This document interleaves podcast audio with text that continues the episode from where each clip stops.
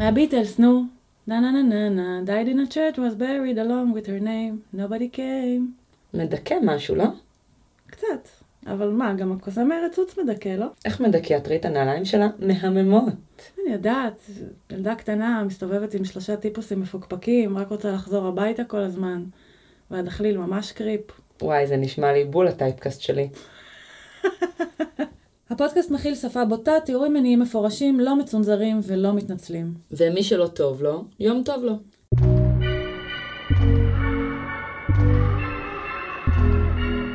סימנים, פודקאסט על BDSM. על מה? BDSM?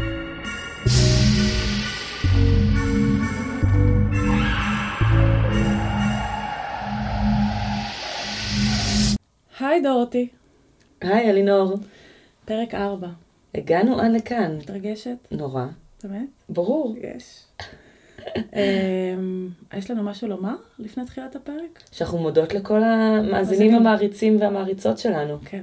תמשיכו, זה נורא מחמם לנו את. הלב. קיבלנו ים כסף.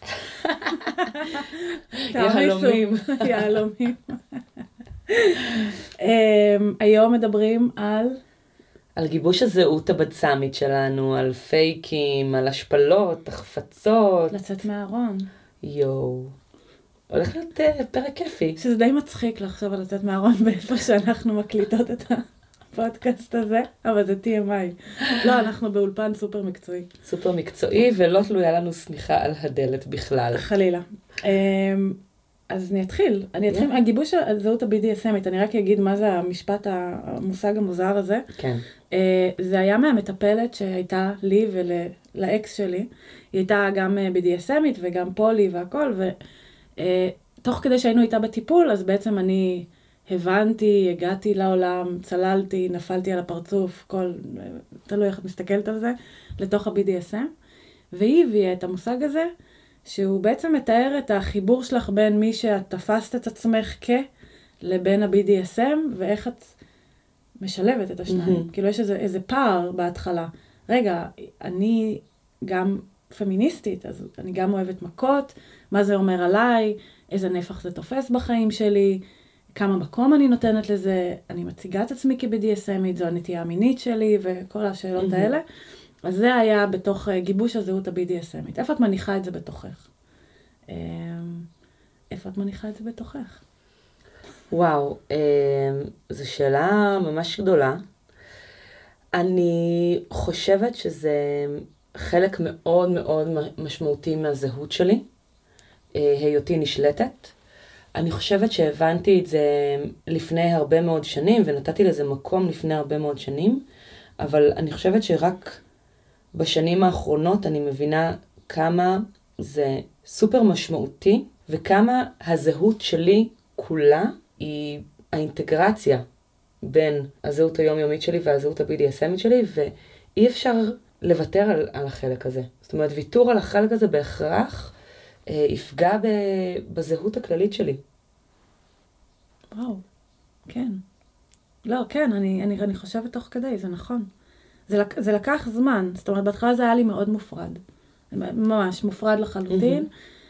אה, ואני אגיד עוד משהו, זה שהיה לי דיון, אה, עד לא, האמת שממש לא מזמן באיזה קבוצת נשים BDSMית, אה, והלכתי לפגוש את אח שלי, נסעתי לפגוש את אח שלי, אח שלי גר בחו"ל, אנחנו נפגשים פעם בשנה, ואנחנו כאילו קרובים, אבל לא בגלל המרחק, וממש התלבטתי האם לצאת מהארון, אני קצת קופצת ללצאת מהמם. מהארון עכשיו, אבל הדיון מאוד מאוד הפתיע אותי, כי הרבה מן התגובות היו, אה, למה שתרצי לשתף את אח שלך במה את עושה בחדר השינה?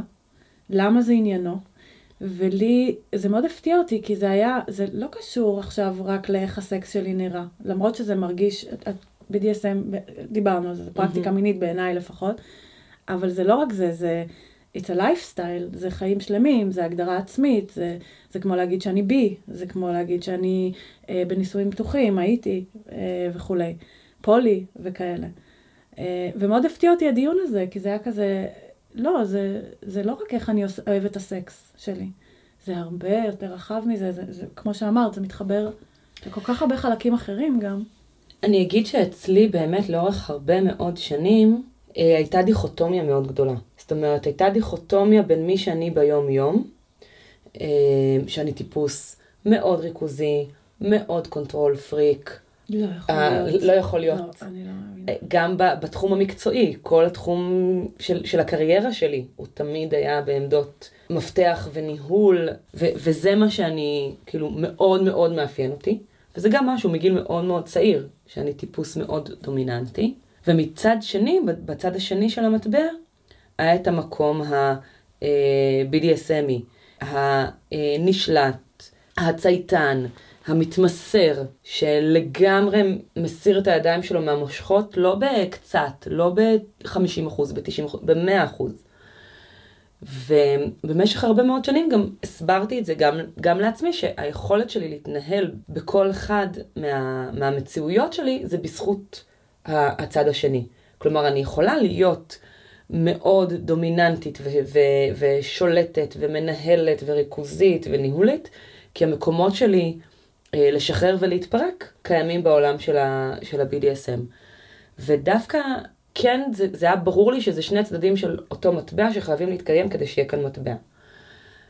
ולאורך השנים אני כן רואה שיש המון זליגה. יותר זליגה מה, נגיד, תכונות ה-BDSMיות שלי לתוך התכונות היומיומיות, כן. פחות מהצד ההפוך, אבל הרבה מהיכולת שלי ביום-יום אה, כאדם להיות פחות control freak, לסמוך יותר על אנשים, לתת אמון, אה, להיות יותר ביזורית ולפזר סמכויות, גם ב, אני אומרת, בעולם של העבודה וגם בעולם הבין אישי עם חברים ו- וקולגות. זה המון בזכות חוויות אה, שחוויתי ומיומנויות שפיתחתי כנשלטת ב-BDSM. אז זה עדיין כזה, לא, אולי עכשיו זה כבר לא שני צדדים באותו מטבע, כי יש איזו זליגה בין הצדדים האלה, אבל חד משמעית זה חלק מה, מהזהות שלי, וכל צד יכול להיות מי שאני בזכות זה שיש לי את המקום בצד השני. משהו ב... בחוויות שלי כנשלטת, בחוויות שלי כסע, בשחרור, בהתמסרות, הוא לגמרי מקבל גם את המופעים שלו בחיים שלי, של להתמסר לחיים ולמה שקורה, ולהגיד, אוקיי, כאילו, אני עכשיו נותנת לזה, ו- ו- אז זה שריר. הרי מהמם. אימנת את השריר במקום אחד, והשריר הזה עדיין קיים גם בכל שאר המקומות, זה לגמרי ככה. אני חושבת שהשילוב ביניהם היה לי באמת מאוד מאוד מאתגר. השילוב בין כל החלקים שלי, ובאמת לשים עליי איזושהי הגדרה. אני לא טובה בלשים על עצמי הגדרות, אני לא אוהבת, אני אומרת ומיד אני אומרת, "אה, כן, אבל זה גם יכול להשתנות מחר. ואיכשהו עם ה-BDSM, בגלל שזה היה כל כך, אה, איך אני אסביר את זה? זה כמו סכר שנפרץ. ופתאום צבע המון מהחלקים שלי בחיים, ובחיים האישיים שלי, בחברים שלי, ב- לאן מעניין אותי ללכת, בבגדים, בכל כך הרבה דברים. זה היה כזה, רגע, וואו, וואו, וואו, אני זאתי שלא ב-BDSM נאבדת בתוכו. אני לא יודעת כמה זה הגיוני, אבל, אבל לקח לי הרבה זמן לאזן בין השניים, ואני לא בטוחה שזה עדיין מאוזן. ואני חושבת שהפודקאסט הזה, אגב, הוא חלק מזה. אני מסתכלת עלייך, לך יש בך משהו מאוד שלם עם מי שאת. גם בקטע הפומבי, גם בקטע של כאילו זה יושב אצלך מאוד מאוד טוב. כן, אבל את צריכה מבחוץ, לזכור ב- שאת הרבה יותר שנים. שאני הרבה יותר שנים. ברור. אז אמנם אני צעירה ממך באיזה שני עשורים, ברור. אבל, אבל את, זה מאוד, ברור לי שזה עניין של זמן, כי אני רואה שככל שהזמן עובר, אז משהו שם מתגבש ומתיישב, גם באיך שאני נשלטת, אגב. בהתחלה, עם השולט שלי היו הרבה הרבה הרבה יותר שאלות. את זה, לא, איפה המקום שלי, פה אני מאבדת את החופש שלי, פה זה עובר לי את הגבול. היום אין הרבה שאלות, זאת אומרת, מאוד ברור לי איפה המקום, ואז זה כזה, זה, יש איזו אינטגרציה לתוך החיים עצמם. אבל גם הפודקאסט הזה, לדבר את זה, ואת יודעת, אנחנו מייצגות פה איזה משהו. מישהו ישמע את הפודקאסט הזה, נאמר והוא מכיר אותך או אותי, ו- ופתאום אני מייצגת את הדבר הזה שנקרא BDSM, שזה הדבר האחרון שאני אני לא מחזיקה דגלים, יש לי התנגדות מאוד קשה לזה. אין לי ילדים, אני לא על-הורית. כן. סתם, אין לי ילדים, יכול להיות שמחר יהיה. אל תשים אותי לא, בקופסה. לא לצאת, לה- לא לצאת כן, בהצהרות. מאוד קשה לי עם זה, זה עניין שלי, זה הסריטה שלי, כאילו, אבל אני תוהה מתי אני יכולה להגיד, כן, אני BDSMית, ו- וזה יהיה מאוד מאוד שלם. שזה אגב, הדבר הזה של גם לצאת מהארון. את צריכה להחזיק משהו מאוד בינך לבין עצמך, מאוד יציב, כדי לבוא להביא את זה החוצה, ולא לפחד שיערערו לך את זה. זה זה חשוב גם לשים את זה על השולחן, ואני באופן מוצהר, אני באמת נמצאת בעולם הזה יותר שנים. אמ, לא, את עכשיו מתלהבת עליי. אני עכשיו מתנשאת חבל על הזמן. אוקיי. לא, אני רוצה להרגיע, אבל אני... להרגיע את קהל המאזינים. אני רוצה להרגיע את קהל המאזינים שמתחילים את צעדיהם הראשונים בעולם הזה, או אפילו לא הצעדים הראשונים, יכול להיות שהם נמצאים לא מעט זמן בעולם הזה, והם עדיין לא מרגישים מאוד מגובשים בזהות. אז אני אומר שקודם כל, כשאני אומרת שאני נמצאת בעולם הזה לא מעט שנים, אז עזבי את החלק של הפרקטיקה, שאני כבר באמת, הם, הם, איך זה נכון במקום מתרגלת יוגה, אני מתרגלת BDSM כבר בערך 12 שנים, משהו כזה יותר. אבל התפיסות לגבי הזהות ה-BDSMית שלי, הגם שלא ידעתי לומר אותן או לכנות אותן בשם, הן היו אצלי בסימני שאלה מגילאים הרבה יותר צעירים. אז אני יכולה להגיד שאני כאילו מתבחבשת עם עצמי בתוך מי אני ומה אני ומה עושה לי טוב ומה לא עושה לי טוב ולמה זה עושה לי טוב והאם אני חיה בשלום עם זה שזה עושה לי טוב. אני חושבת, בלי להסגיר את הגיל המופרך שלי שהוא 40, אני חושבת שקרוב ל-20-25 שנים אני בתוך זה. אה, אז, אז כאילו, ואני גם בן אדם נורא חפרן עם עצמו, אז כאילו זה באמת חפירות כאלה נורא עמוקות ו- וכאלה. זה דבר אחד. ודבר שני, שאני גם, כמו שאמרת, אני לא יוצאת בהצהרות. זאת אומרת, תשאלי אותי היום איך אני מגדירה את עצמי, אני חושבת שיש לי הגדרה מאוד ברורה לגבי הזהות ה-BDSMית שלי, אבל אני לא חותמת על זה בדם ואומרת, זהו, זה מה שזה וזה לא ישתנה אה, יותר בחיים. את כן חותמת בדם. אני חותמת בדם, בדם, או ב branding, או בכל זיעה. סוג של, בזה, בכל ברוק. ירקות, מה שאתם רוצים, אבל לא על הזהות עצמה, כי אני בהחלט מתפתחת, ואני בהחלט אה, אה, מעמיקה, ואני גם עלולה רחמנא ליצלן להשתנות, וזה בסדר, לגמרי.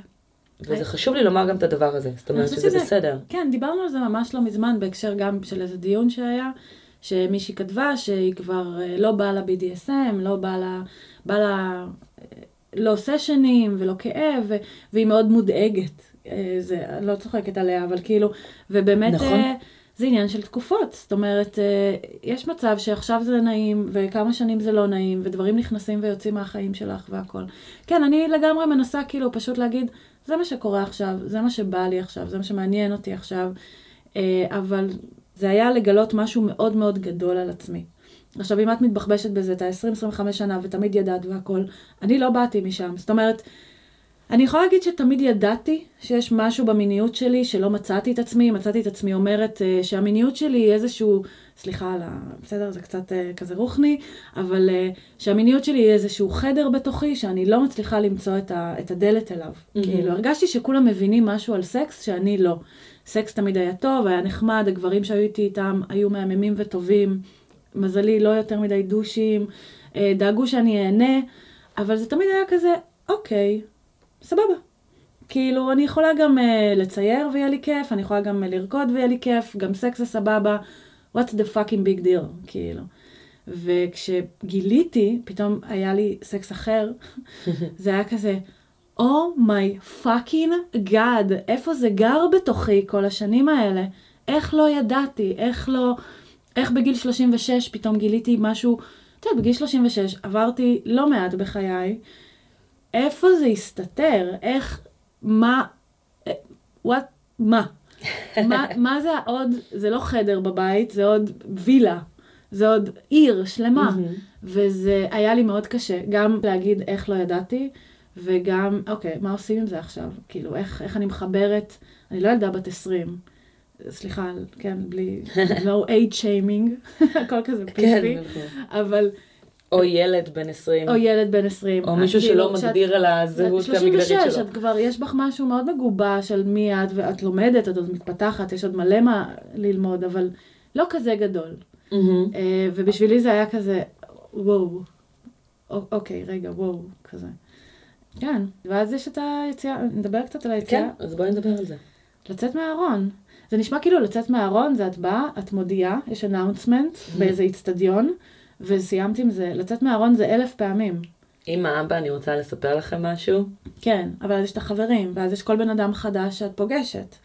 האם את מספרת לו? מה את מספרת לו? אני קינקית, אני BDSMית, אני נשלטת, אני פשוט אוהבת סקס אחר, זה השולט שלי, את מציגה אותו בתור... בואי נלך רגע צעד אחורה. יאללה. למה בכלל לצאת מהארון? the fuck cares, כמו שאמרת בשיחה. למי אכפת? אני חברה שלך, אנחנו משחקות ביחד ברידג'. אה, לא יודעת למה יצא לי ברידג', בחיים לא שיחקתי ברידג'. הכי בת זה 80. הכי, אה, כן. כן, בת 80, אני מתכוננת לפנסיה. אנחנו חברות, אנחנו אוהבות ללכת לראות סרטים ביחד, או לא יודעת, לשבת בבתי קפה ופאבים. מה, מה אכפת לי ה-BDSM שלך?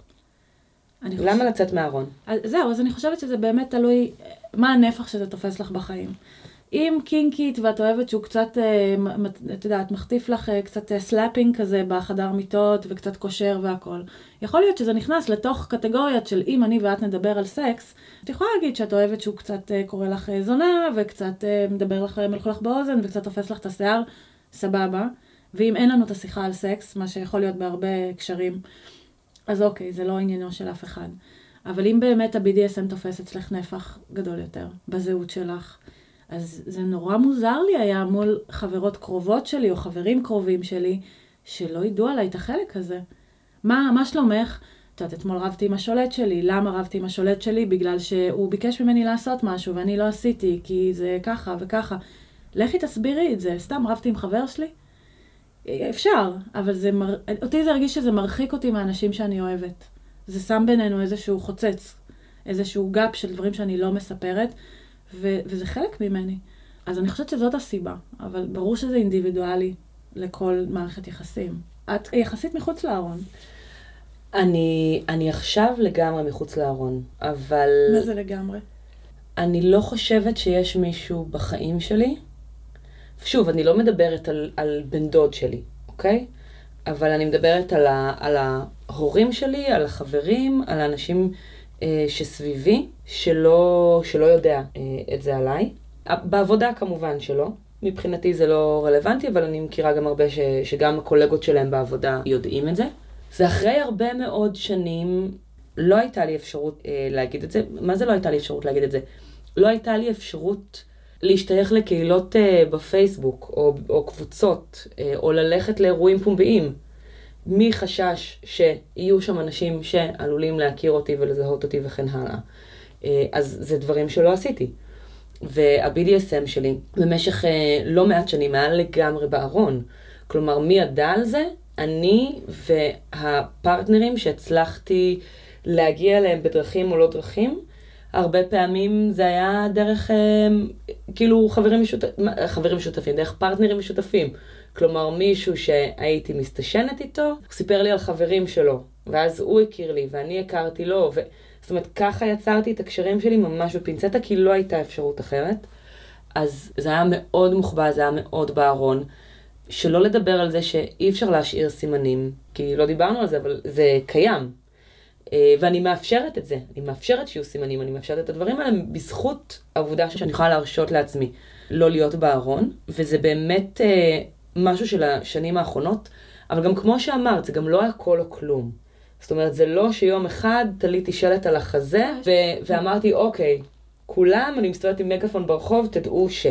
זה, זה תהליך, קודם כל, זה נורא מפחיד. מאוד מפחיד. לספר לאנשים. אני סומכת, את יודעת, במיוחד החברים הקרובים ואנשים שאני נורא אוהבת ואוהבים אותי, ואין הרבה כאלה, כי אני בן אדם די אה, מיזנטרופ. לקי מי. ממש. תטפחי לעצמך על השכם. תופחת. תופחת. תופחת. תופחת.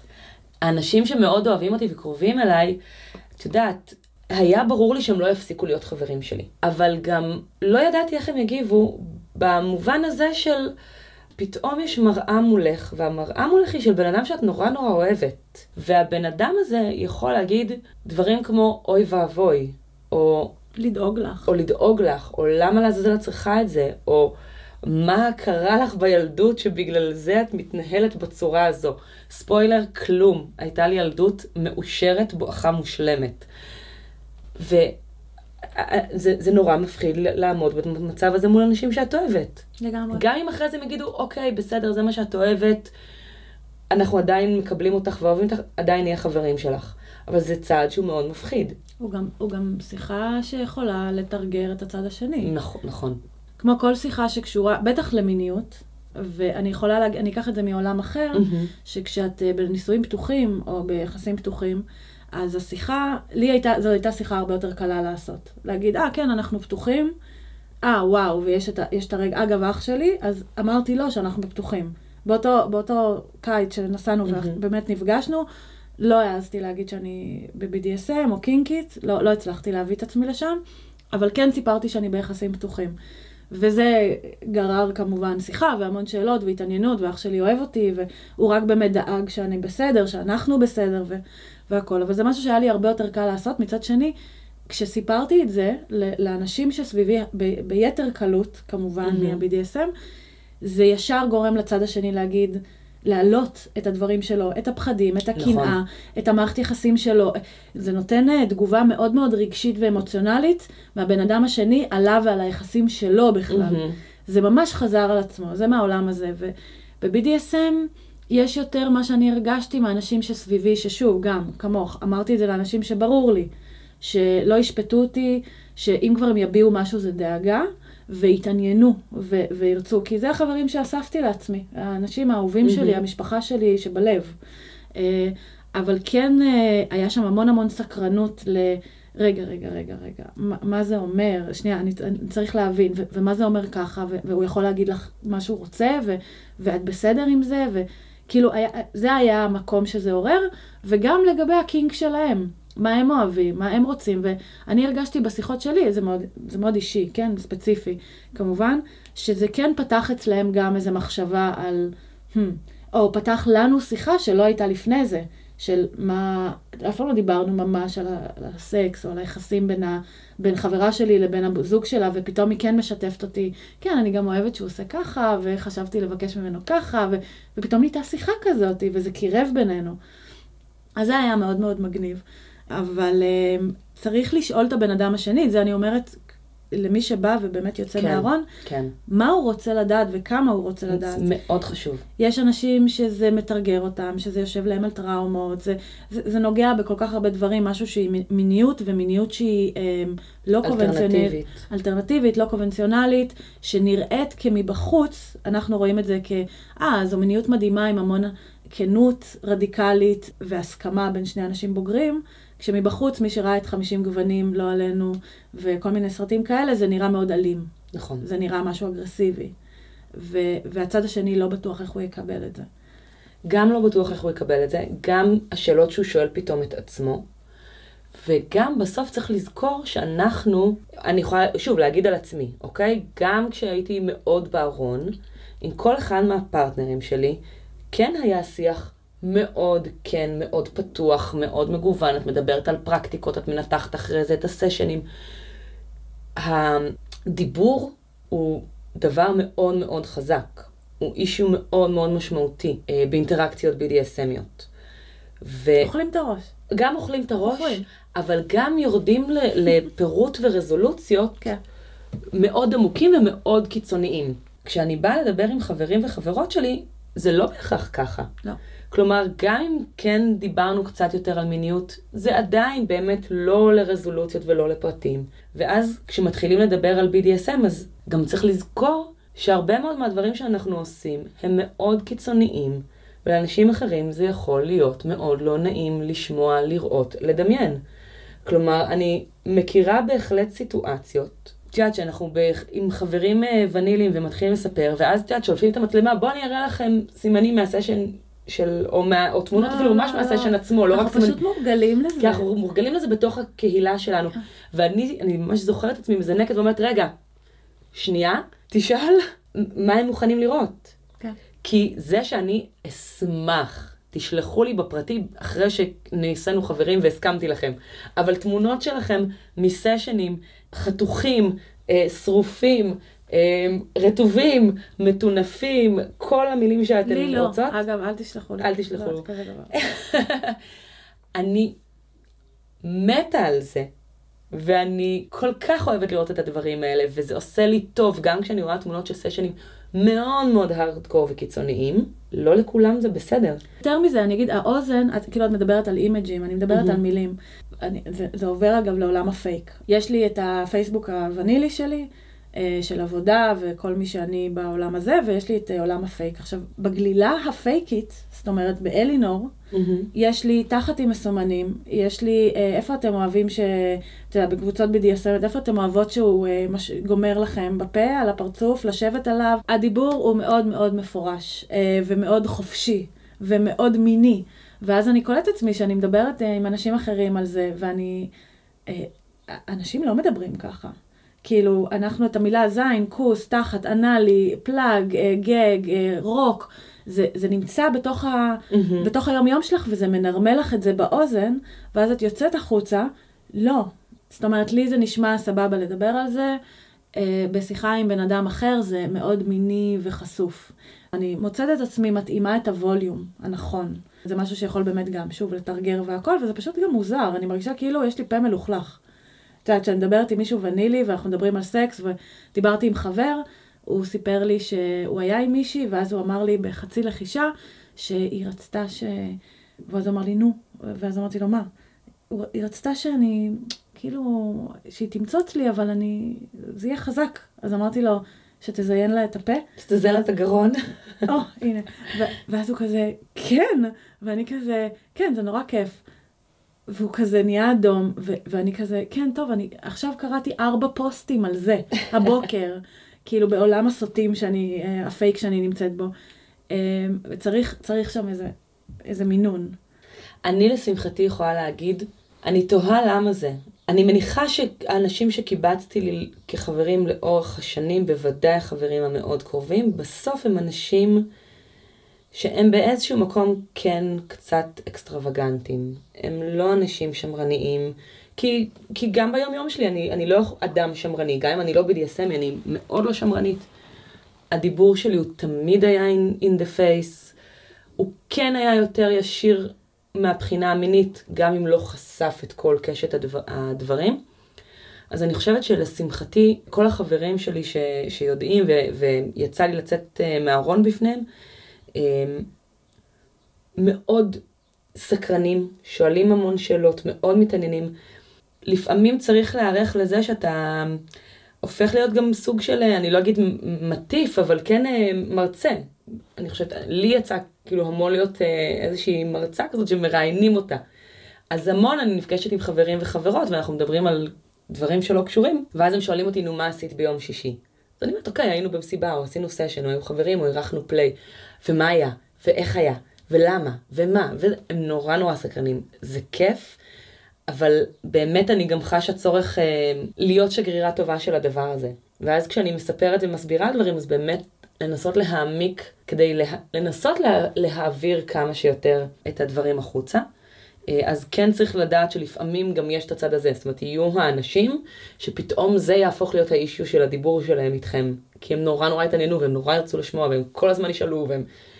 אה, שזה יכול להיות נחמד או לפעמים מעיק, כן. כל אחד אה, מהמקום שלו. לפני שנגיע... לפני שאני אגיד על משהו על הפייק, כן. זה מה שרציתי להגיד על הפייק.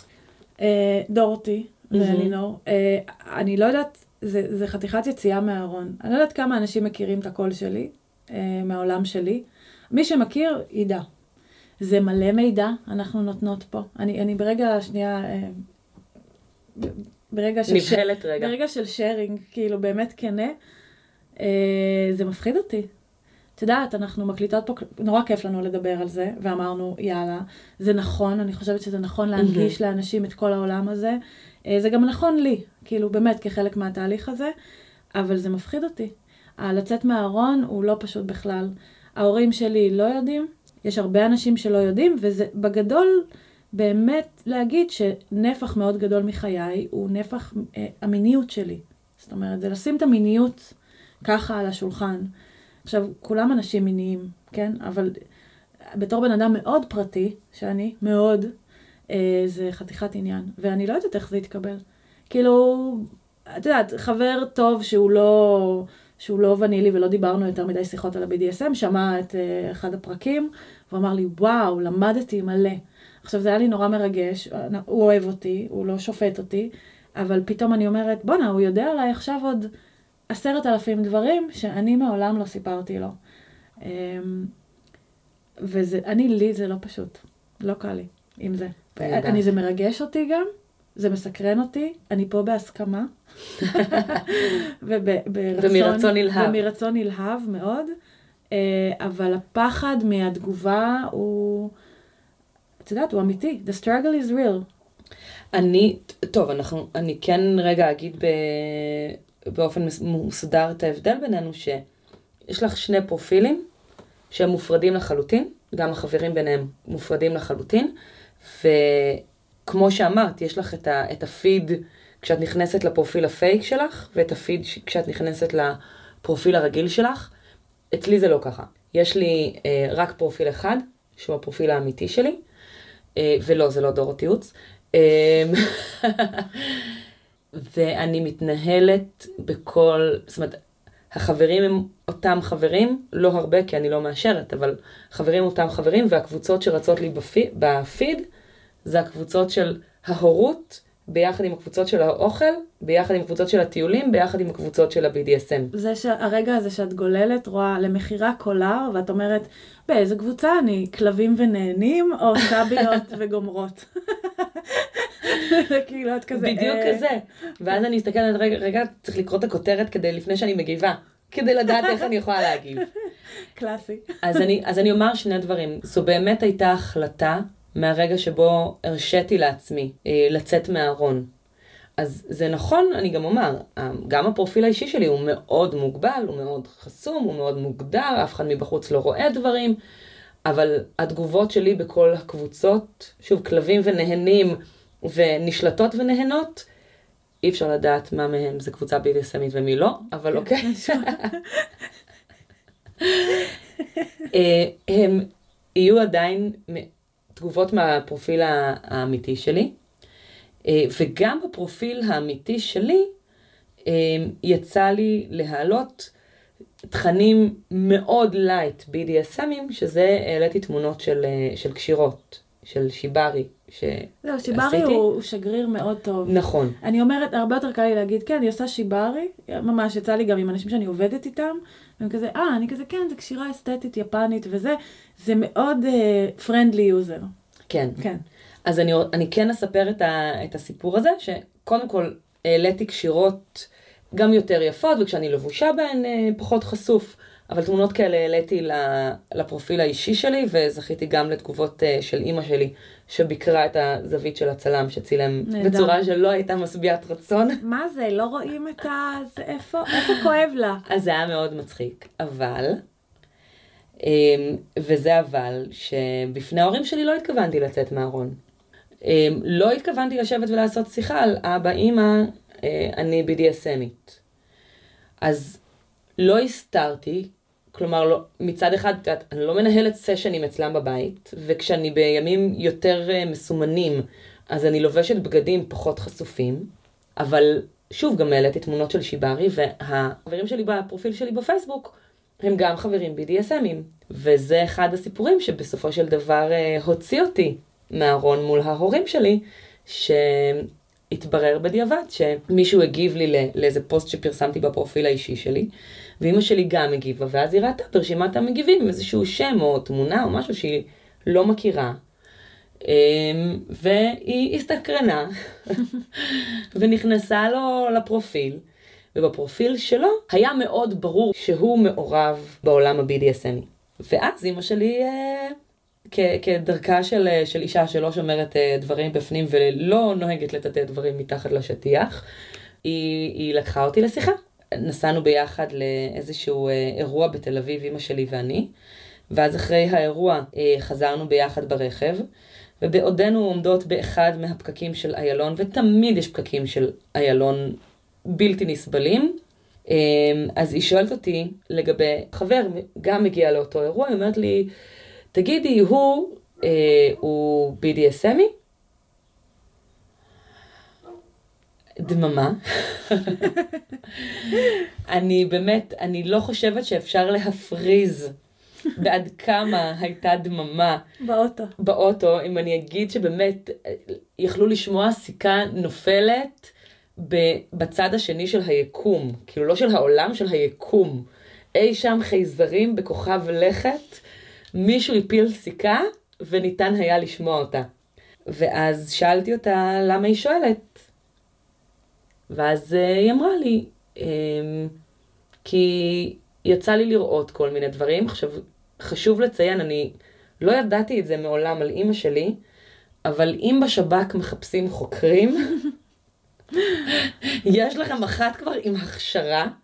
החקירה שהייתה באותו, באותה נסיעה הייתה באמת אחד הדברים, היא ידעה איך להחזיק את הקלפים קרוב לחזה שלה ולשאול ולתת רק את פריטי המידע שהיא צריכה כדי להתקדם בחקירה. ואני גם עונה אה, בדיוק של מנתח כירורגי אך ורק על מה ששאלו אותי בלי להרחיב מילימטר יותר. ואמרתי לה, תשמעי, אני לא רוצה לדבר על, על אנשים אחרים. אה, כל אחד ומה שהוא עושה ומה שטוב. אז היא שאלה אותי, אוקיי, ואת? את בעולם הזה של ה-BDSM? עכשיו, היא לא שאלה BDSM, כמובן, כי היא זקנה. היא שאלה אותי, את, אה, את גם עושה סאדו-מאזו? סאדו-מאזו זה...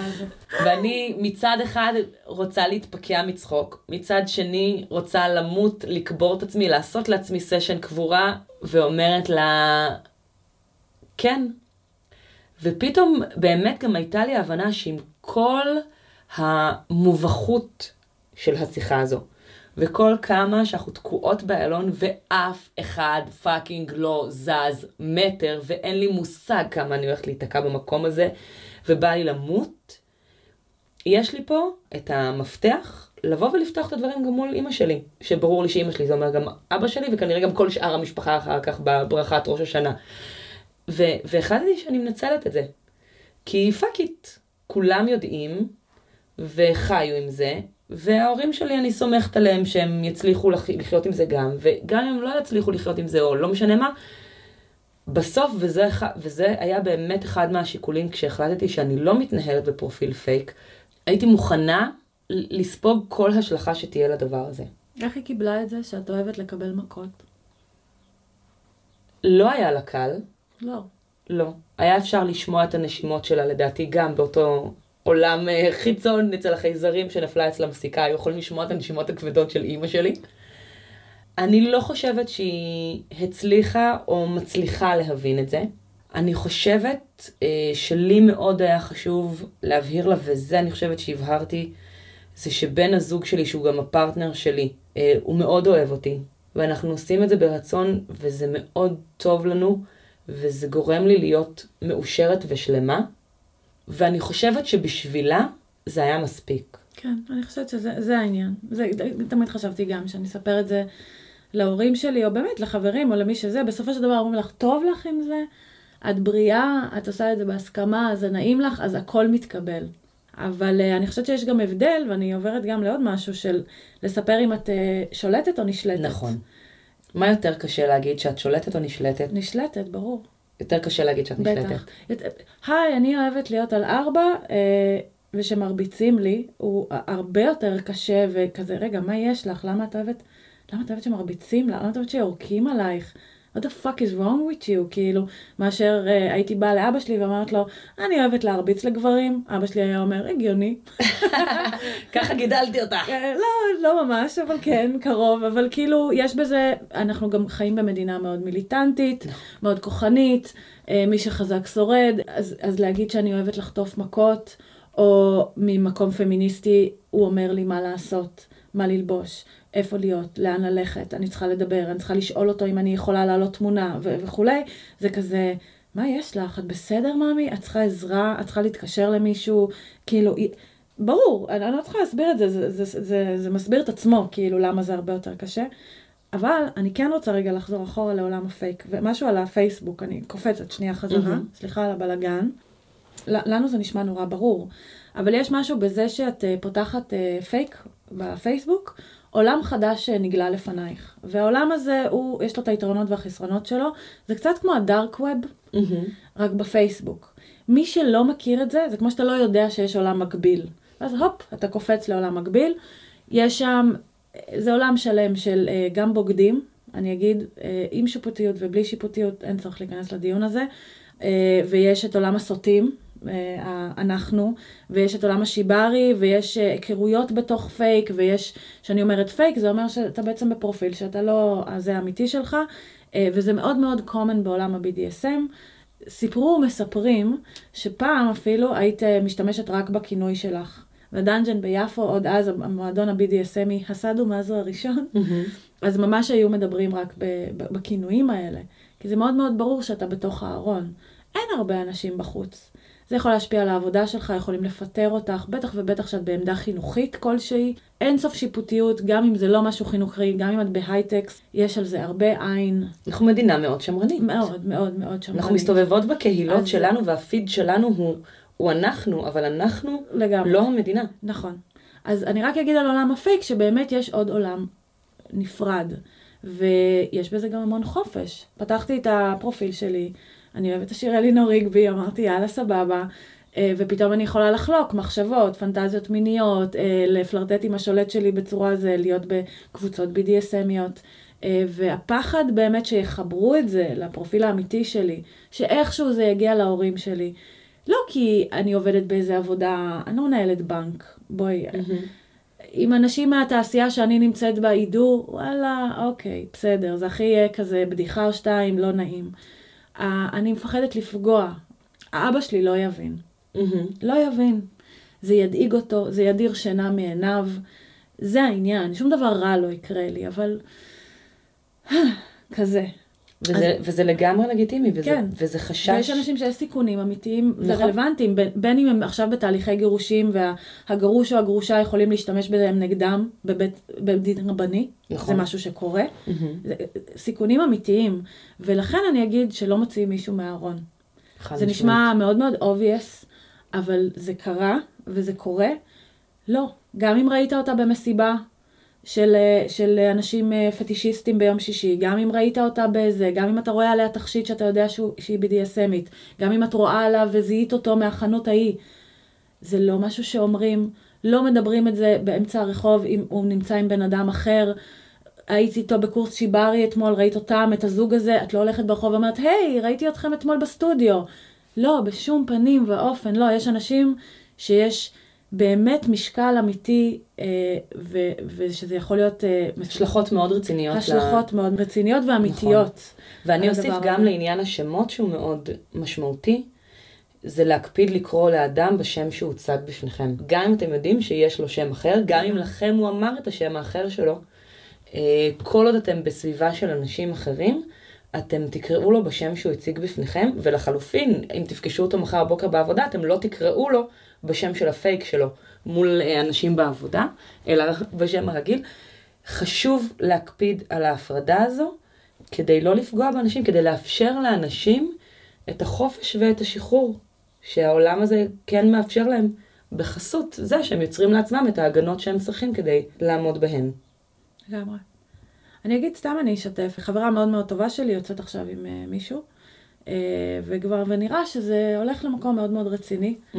הם מאוד חמודים ביחד, אני אישרתי אותו, שזה סופר חשוב. ו... והיא אמרה לי, נו, מתי תגידי לו שאת, אה, בד... כאילו, כי היא שומרת עליי, היא לא מוציאה אותי מהארון, אמרתי, תגידי לו כבר. ורציתי, כאילו אמרתי לה, מתישהו, זה עוד מוקדם לי, אנחנו לא מכירים כל כך. ואחר כך הלכתי עם זה הביתה ואמרתי, כן, אני רוצה, זה, זה צריך להיות מרגיש אה, בטוחה עם בן אדם כדי לצאת מולו מהארון. למרות שאני רוצה שלה יהיה נוח עם זה, שהיא תוכל לדבר עליי בצורה חופשית והכול. אה, אבל היציאה מהארון, אני כאילו חוזרת, אני שנייה סוגרת משהו מההתחלה, היא אינסופית. היא אינסופית. אז כל פעם מחדש צריך להיות במקום הזה. אני, הפעם הראשונה שיצאתי מהארון זה היה מול הבן זוג שלי שהיה, הוא היה מדהים. זה היה לי מדהים להגיד משהו שגר לי במחשכים, תפס מעלית ופתאום צף בינינו, ואמרתי לו, נראה לי שאני BDSMית. הוא אמר לי, מדהים, איזה כיף לך, אני שמח בשבילך. אני רוצה שתדעי שאני לא חושב על זה שום דבר שלילי. זה המילים שהוא אמר. אמרתי לו, וואו, אני אוהבת אותך, איזה כיף, כאילו. אבל זה לא כזה פשוט עם כולם. לא, בכלל לא. ואני כן אגיד רק עוד משהו לגבי הסטיגמות, ואז אחרי זה נמשיך הלאה. אז אחד הדברים הכי מצחיקים זה ש... אני כל פעם כשאני מספרת על עצמי את זה, במיוחד בפני אנשים שמכירים אותי, בטוחים שאת שולטת. אז הם בטוחים שאני שולטת. ברור. ואז אני אומרת להם, כן, אני אה, BDSMית, ואז אומרים, אה, נו, ברור. זה מה זה ברור שאת שולטת? אמ, אז זהו, שלא. אז אני לא יודעת אם יותר קשה להגיד, כי אני מעולם לא אמרתי, לא הייתי צריכה להגיד שאני שולטת, אז אני לא יודעת מה, כאילו, ההשלכות של זה, אבל אני יכולה להגיד שעליי זה מאוד מאוד לא ברור לאנשים שמכירים אותי מהיום יום שאני נשלטת, וזה פשוט כל פעם אה, מצחיק מחדש. זה קורה מלא שאת רואה זוג, mm-hmm. ואת אומרת, אה, הוא, הוא נשלט והיא השולט, ואז את מגלה שזה הפוך. כן, זה מטורף. כן. אני חשבתי שיחשבו שאני גם שולטת. אני מניחה שזה כמו החתול הזה שמסתכל במראה ורואה אריה. ואז כשסיפרתי את זה לחברים שלי, אמרו לי, אה, בטח. אני כזה, מה? מה? אני הבן אדם הכי דעתני, אני control freak למוות, כאילו. למדתי להסתכל על עצמי ולהבין שכנראה יש בי איזה משהו רך יותר, שהוא יותר מתאים לזה, אבל אה, כן. ומילה על פמיניזם, רצינו להגיד בהקשר הזה, ואני זורקת מילה ונמלטת, כי יש לי כל כך הרבה להגיד, שאם mm-hmm. אני אגיד, אז לא יישאר לנו את הפרק הבא, הבא, הבא, הבא, מתישהו, שאנחנו רוצות לעשות על פמיניזם. אמ, גברים רבים מסמנים לעצמם את הפרק הזה, אני לא אשמע. אמ, אני חושבת... איך את פמיניסטית וגם... ונשלטת. ונשלטת. וואו. במשפט. כן, לא ניכנס לזה. במשפט? אני חושבת שגם אמרנו את זה באיזה פרק. אבל אני אגיד את זה שוב, כי זה נורא חשוב לי. אני פמיניסטית, לוחמנית ודעתנית, ובזכות זה יש לי את היכולת להיות נשלטת. ואם אתם רוצים לדעת איך, תקשיבו לפרקים הבאים. אה, זה עניין של בחירה, כמו בכל דבר. אז אה, אם פמיניזם, אנחנו אומרים פמיניזם זה עניין של שוויון, זכויות, ושכל אחד באמת יכול לבחור, ויש לו את שלל האפשרויות לבחור מהם, כמו המגדר השני, זה תכלס העניין, בעיניי. אז אם אני בוחרת את זה, ויכולה לממש את זה, זה פמיניזם. אני מרגישה ככה הכי נשית, הכי מועצמת, והכי בעצם שבחרתי במה טוב לי. זה בגדול. אני שותקת. עכשיו לכי תגידי לאימא שלך שאת אוהבת שיורקים עלייך, ושמחפיצים אותך, ושאתמול היית שולחן לסושי בשביל החברים. וזה מביא אותנו להשפלות והחפצות, שהיה לנו חוב מפרק שעבר. אז אה, בואי אה, דברי איתנו. הייתי אומרת שלא כל השפלה יש בתוכה החפצה, אבל בכל החפצה יש גם השפלה. עכשיו, ש... ברק שנייה נדבר על השפלה. Mm-hmm. זה כמובן עם קנוטציה מאוד שלילית. מי רוצה שישפילו אותו? הוא הדפק. אז זה בתוך ההסכמה. יש גם הרבה קולות שאומרים ששום דבר לא משפיל אותי בעצם. אין שום דבר שהוא יכול לבקש ממני שבעצם משפיל אותי. אז אני, אני מניחה שזה איזשהו שם, אה, אה, איזושהי מטריה לדברים שכלפי העולם הוונילי ייראו כמשפילים. אותך הם מחרמנים, מדליקים, עושים, מרגשים, אה, מסקרנים, אבל בתוך כל הדבר הזה יש איזושהי אה, פרקטיקה שמקטינה אותך mm-hmm. באיזושהי צורה, ש-reduce you as a person. זאת אומרת, את לא דורותי האישה, האימא, עכשיו את כיסא, גברת, או מאפרה, או כלבה, או חור. אני חושבת שבאמת, מה שאמרת זה שזה דברים שנתפסים כלפי חוץ כדברים שהם אה, משפילים. ובתוך הקונטקסט הזה של, אה, של ה-BDSM, זה נותן לך מקום לחוות את המקומות המשפילים האלה, אבל בתוך דינמיקה שהיא בבסיס שלה לא משפילה. כן. וזה אחד הדברים. כמו כל דבר שאמרנו, תחושת הביטחון ושאת אהובה, או שלפחות דואגים לך, תלוי במערכת יחסים, היא אינהרנטית בתוך הדבר הזה. עכשיו, בא לי כן להפריד בין השפלה והחפצה, mm-hmm. בצורה הטהורה שלהם, נקרא לזה. אז החפצה זה באמת להפוך אותך לסוג של חפץ, דומם. ומה זה עושה, למה זה כיף, יש אה, משהו שפשוט משתתק במוח, זה מעביר את ה-state of mind שלך מ- יש לי דעות, יש לי רצונות, ל- אני עכשיו זה. כל כולי זה. ויש בזה, למי שזה עושה לו את הסיפוק, יש בזה סיפוק מאוד עמוק, זה עוד דרך שלי להתמסר אליו. ו... ובתור נשלטת, זה מה שאת רוצה, זה, זה בעצם כל העניין. אני יכולה לספר באמת על סשן uh, של החפצה שהיה אחד הסשנים הראשונים של ממש החפצה מלאה ולאורך זמן שחוויתי, שזה uh, כשהייתי מגש סושי בפליי. קודם כל אנחנו מתכוננים, אנחנו יודעים שהולך להיות פליי, אני יודעת שהולכים לבוא אנשים, ומי האנשים שהולכים לבוא, אני לרוב ב-90% מהמקרים לא יודעת מה הולך להיות מבחינת הסשן שלנו במהלך הפליי. ואז הם אה, מתקרבים לשעה תשע, והוא אומר לי, אוקיי, תבואי אה, אה, ערומה, רק עם תחתונים. הוא מפנה את כל השולחן בפינת אוכל, ואני נשכבת על הגב, ואז הוא מנשק אותי והוא אומר לי שהוא אוהב אותי, והוא מתכופף עליי והוא לוחש לי באוזן והוא אומר, מהרגע הזה, ועד שאני אומר לך, את מגש. ומגש לא מדבר, ומגש לא אומר שלום לאנשים, ומגש לא מנהל אינטראקציה, ומגש לא זז, והתפקיד שלו זה לאפשר לאנשים לקחת ממנו את מה שהם צריכים. והוא אה, מסיים, והוא הולך לארגן את הדברים, וזה ממש היה, לא עשיתי אף פעם היפנוזה, אבל מלהסתכל על, על, על, על כאילו הצגות של היפנוזה, זה ממש הרגיש ככה. פתאום, טאק, נהפכתי להיות מגש. אני עושה לך רגע, בגלל שאנחנו בפרק בדיוק כזה. אני בן אדם ונילי, ואני שואלת, אני נותנת קונטקסט כן, שנייה. מעולה. מה כיף בזה? למה שתשכבי ערומה, שישימו עלייך סושי, שאגב זו פרקטיקה כאילו מוכרת, יש לה שם ניאו תמורי, להגיד כן. את זה, אבל מה קטע? כאילו מה, מה, מה? זה, זו אפשרות שלי לחוות את עצמי במקומות שהם גם אני, ואין לי שום סיכוי או שום רצון או שום יכולת לחוות אותם כך ביום-יום.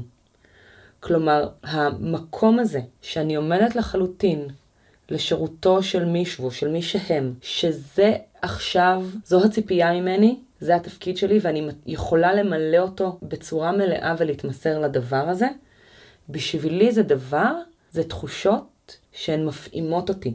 ואני נותנת... well said. אני אתן עוד... ממש, אני אגיד, כן. אה, אני עכשיו רגע אה, אהיה פלצנית, כי חשבתי על זה. רק עכשיו? לא, אה, חשבתי על זה מלא. לא, על, על דוגמה פלצנית. כן.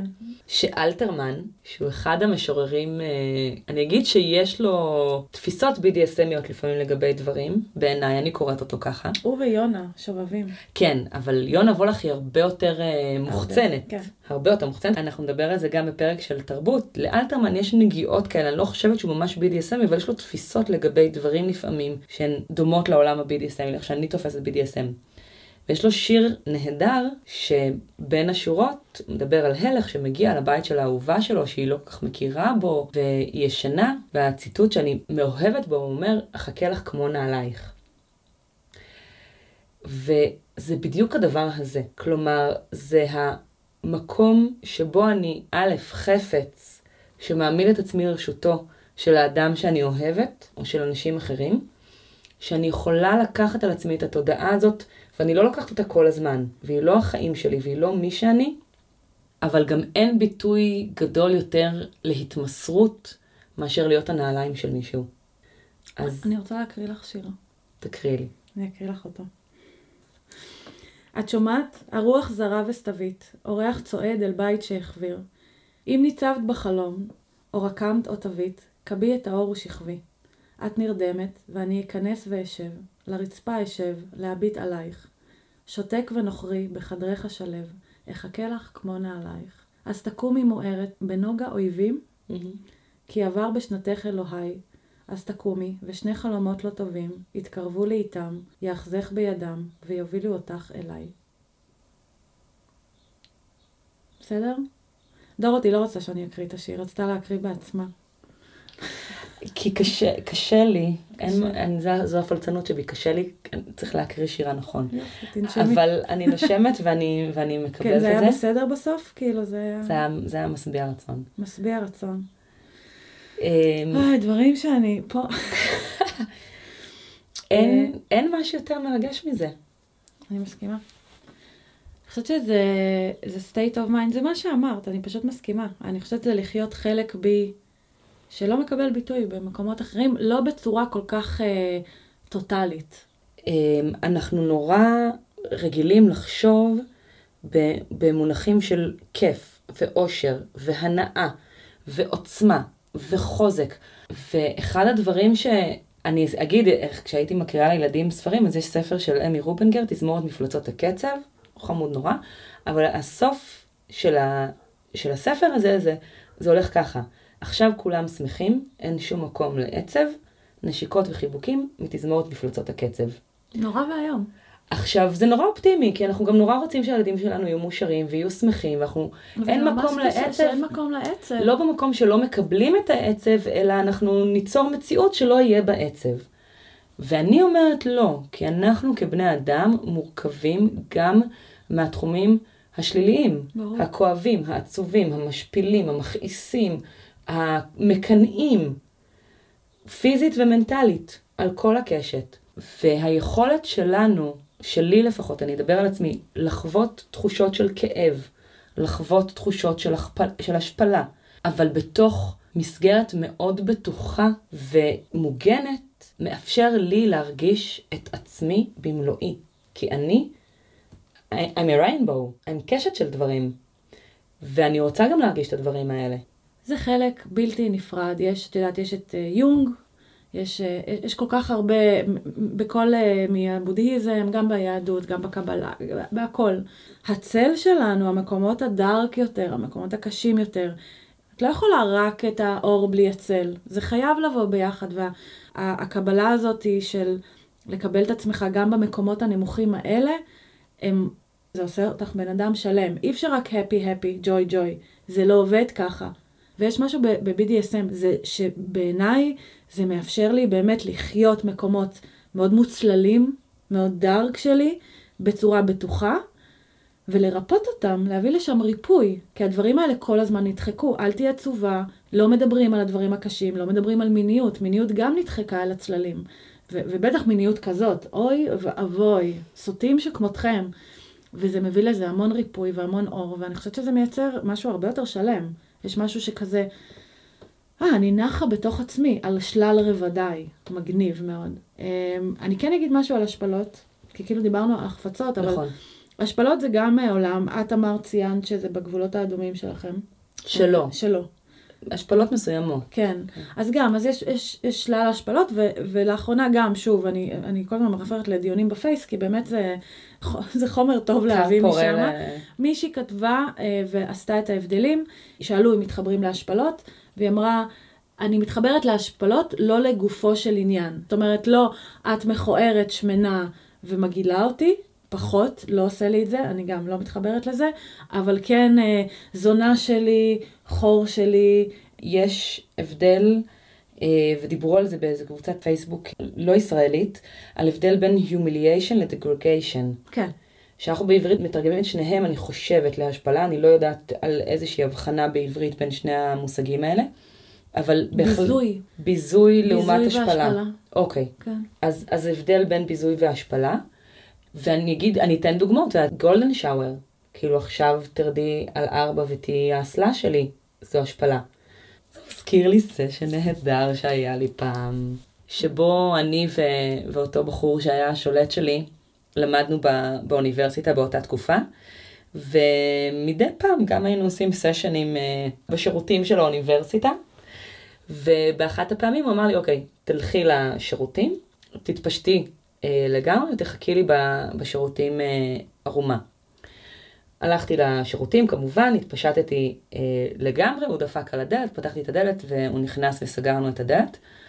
ואז הוא הסתכל עליי והוא אמר לי, תשבי על האסלה. אה, והוא אומר לי, תפתחי את הפה, תוציאי את הלשון. והוא אה, מוציא את הזין שלו ומשתין לי לפה. אה, וכל מה שאני מנסה, כשאני רוצה נגיד לסגור את הפה, אני תשאירי את הפה פתוח, שהכל ינזל. באמת כל השתן כאילו לא, לא בלעתי אותו, אלא עם פה פתוח, זה נכנס לי לפה ונזל על כל הגוף למטה, אה, לתוך האסלה. אה, וכשהוא סיים אה, להשתין, הוא סגר את המכנסיים, שטף ידיים ויצא מעטה, וחזר לשיעור. אני חושבת שהיינו באמצע שיעור גם. אה, זה אפילו לא היה בהפסקה. והתחושה הזו, אל תנסו את זה בבית. אחר כך לשטוף את עצמך בשירותים של תא עם נייר טואלט. אי אפשר להגיד... אה, אל תעשו את זה בבית. כן. אבל... אף בן אדם... תעשו בבית. תעשו בבית. בטח. אף בן אדם ביקום כולו, אי פעם, מאז ומעולם ולנצח נצחים, לא יגיד לי משהו משפיל, לא יעשה לי משהו ברור. משפיל. מי שאי פעם ניסה באיזשהו תפקיד או, או, או באינטראקציה מקצועית, איזה קולגה ניסה להגיד משהו שעלול היה להקטין את המקום שלי או את המקצועיות שלי, לערער על המקצועיות שלי, בשום פנים ואופן לא. ברמה של צוות מז"פ שיחפור בחולות ראשון לא יצליח לזהות את הגופה שלו. ובסיטואציה הזאת, של הסשן הזה, להיות אסלה, משומשת, מלאה בשתן, שמסתכלים עליה ככה, סוגרים את הריצ'ראץ' ויוצאים מהחדר ומשאירים אותה שם, וואו. וואו. עכשיו, בוואו הזה אני גם אגיד, זה לא חלק. יש בזה תחושות לא פשוטות. בטח. יש בזה תחושות של, מה לעזאזל אני עושה פה? ואיך אני כאן? וכאילו, איך אני נותנת לבן אדם להתייחס אליי ככה? ומה זה הוא שוטף ידיים והולך? ויש בתוך המקום הזה כאילו, fuck it. וואו, איזה מדהים זה. לגמרי. אני יכולה להיות גם הבן אדם המוקטן, המבוזה, המושפל, המשומש הזה. ואני בחיים. בא לי לשים לך מוזיקת inspiration כזה. אני יכולה להיות גם הבן אדם המוקטן, המבוזה, המושפל, המשומש הזה. ואני בחיים. אני חשבתי שזה יהיה יותר אה, משפיל, באמת. אמ, וגיליתי שזה היה אחד האקטים הכי אינטימיים that I ever practiced עם בן אדם אחר. אה, אני לא חזקה באינטימיות, וזה היה, חשבתי שאני אהיה הרבה יותר מושפלת, אה, באמת שיהיה בי חוויות הרבה יותר קשות, ובאמת אה, כשעשיתי גולדן עם פרטנרים אחרים, זה היה לי הרבה יותר מורכב. מצד אחד גם מה שאת מתארת, פגשתי מקומות קשים בי, ועם השולט שלי פה, אני ממש, קודם כל חיכיתי קצת, זה היה כזה הרגע הנכון. יש משהו, וואי, זה, זה אולי TMI, אני לא יודעת, אבל יש משהו בחום של השתן, של הפיפי, מהמם. שלו, שמגיע אליי, הוא מסתכל עליי ואני מסתכלת עליו, שזה רגע, באמת, הכי אינטימי שחוויתי. אני לא ידעתי שככה אני ארגיש. חשבתי שאני ארגיש הרבה, קצת מנעד רגשות מאוד, אה, זה מה שהרגשתי. וכשהוא סיים, הרגשתי אה, חשופה מאוד, אה, בקטע טוב. פתוחה, רכה, רכה לאין שיעור, וממש הייתי צריכה כמה זמן של, שהוא פשוט יחבק אותי, אחרי מקלחת, כן, התקלחנו, ואני פשוט אחזור שוב ל... אני לא יודעת למה, ל, ל, לא להיות כל כך, אה, כאילו הרגשתי שאין לי אור, אני, באמת, שאין לי איזה גבול כזה. כי, וממש התאחדנו במשהו, אני יודעת שזה נשמע סופר, וואו, כזה, לא, כמו איתך, אני גם נכון. צריכה איזה מוזיקה כזאת. אבל זה נשמע ממש נכון. אה, יש משהו בהשתנה שהוא מאוד מאוד מאוד מאוד מאוד אה, מרגש ואינטימי. נכון. תשתו הרבה מים לפני, זה מה שיש לי ואל. תאכלו אספרגוס. בלי אספרגוס ובלי, אה, מה עוד? עושה ריח? חילבה. כן. אז כן, אז זה לא. אה, אז השפלות והחפצות, כן, זה עוד פרקטיקה. יש עוד מלא מה להגיד על זה, אבל נראה לי שככל. ככל שנתקדם, וגם הפרק כבר אה, מגיע לסיומו. מה יש לנו בפרק הבא? וואי, בפרק הבא יש לנו פרק קליל, כיפי, בשונה מכל הפרקים הקודמים. כן, קצת, קצת פחות כבד. נראה לי שגם רצינו כזה נשתדל. בהתחלה לתת איזה אבני אה, יסוד ל- נכון. לכל העניין ה-BDSMי. אז אה, בפרק מה הבא- לובשים? כן, מה לובשים? על לבוש פטישיסטי, על אה, מסיבות פליי, פומביות, קילור. קילור, וואו. לא, באמת קצת על קולרים, מה זה אומר, מה זה הדבר, טקסי קילור, אפשר נספר קצת. אה, יהיה לנו מאוד כיף, על ציוד, על ציוד. איפה קונים, מה כדאי לקנות, מה כדאי לבדוק, וכן איך ה-BDSM מתגבש. איך, איך הגיעו אלינו, כל, ה- כל האופנה הזאת, השחור, האדום, האור, הלטקס, מאיפה זה הגיע, ההיסטוריה של זה, אבל לא יותר מדי, נעשה את זה קליל. כן. אה, חבל שאי אפשר לראות בפודקאסט. אולי נבוא לבושות בהתאם. נבוא לבוש, ברור. ישמעו כזה. שישמעו אותה. אז אה, זהו, אז אנחנו היינו פרק 4 של סימנים. תודה אלינור. תודה דורתי. Ah, look at all the lonely people. ביי. סימנים, פודקאסט על BDSM. על מה? BDSM?